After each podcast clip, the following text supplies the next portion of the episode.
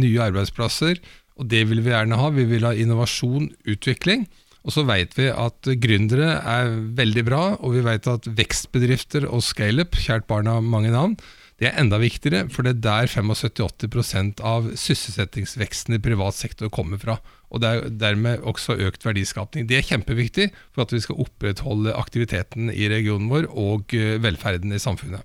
Så over til Tom Lund da, fra Moment AS. Altså, um vi, vi, altså et spørsmål som dukker opp i denne sammenhengen, er veldig ofte altså, uh, hva er de største utfordringene gründerne støter på når de først skal starte opp?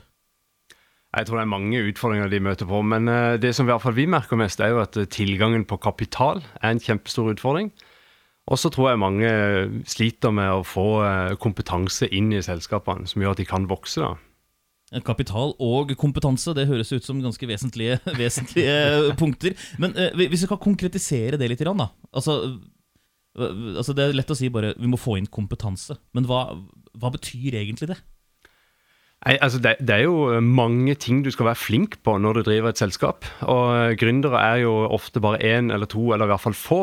Så Det betyr at du må for det første få inn flere med ulik type kompetanse. Og så må du klare å sette den kompetansen sammen, sånn at dette fungerer bra i praksis. da for det selskapet. Vi skal snakke litt mer om eh, en konferanse som eh, er under oppseiling også, i en eh, region som vi ikke snakker så mye om når det kommer til gründervirksomhet. Vi skal til Lindesnes-regionen om litt. For de som ikke vet det, hva er Moment AS?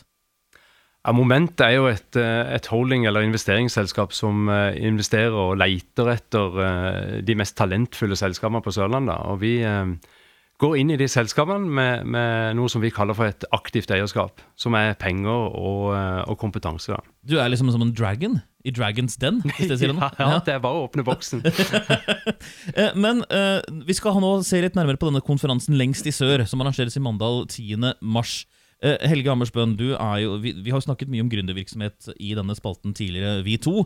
Eh, hvorfor er denne konferansen så, så viktig, mener du? Jeg tror det er viktig for Lindesnes eh, kommune nå, etter kommunesammenslåingen og området som sådan, sette fokus på det at de ønsker økt, økt antall arbeidsplasser. De ønsker flere bedrifter velkommen til regionen. De ønsker å ha mer fokus på gründerskap og innovasjon. Derfor tror jeg konferansen er viktig. Sette fokus på dette. Sette Lindesnes enda mer på kartet.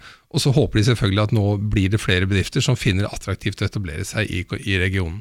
Det er altså en konferanse som går av stabelen nå i mars. Jeg har jo lyst til å slenge ut et spørsmål der, for vi fikk jo en, eh, en, en stor nyhet til Lindesnes, en Michelin-stjerne f.eks. Altså, hva, hva, betyr noe sånt noe da for en, for en region som Lindesnes?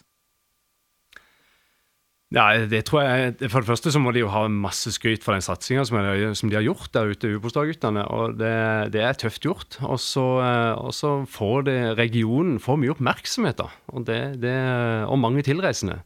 Så for næringslivet og for turistnæringa så er det klart det har en stor, stor betydning, det.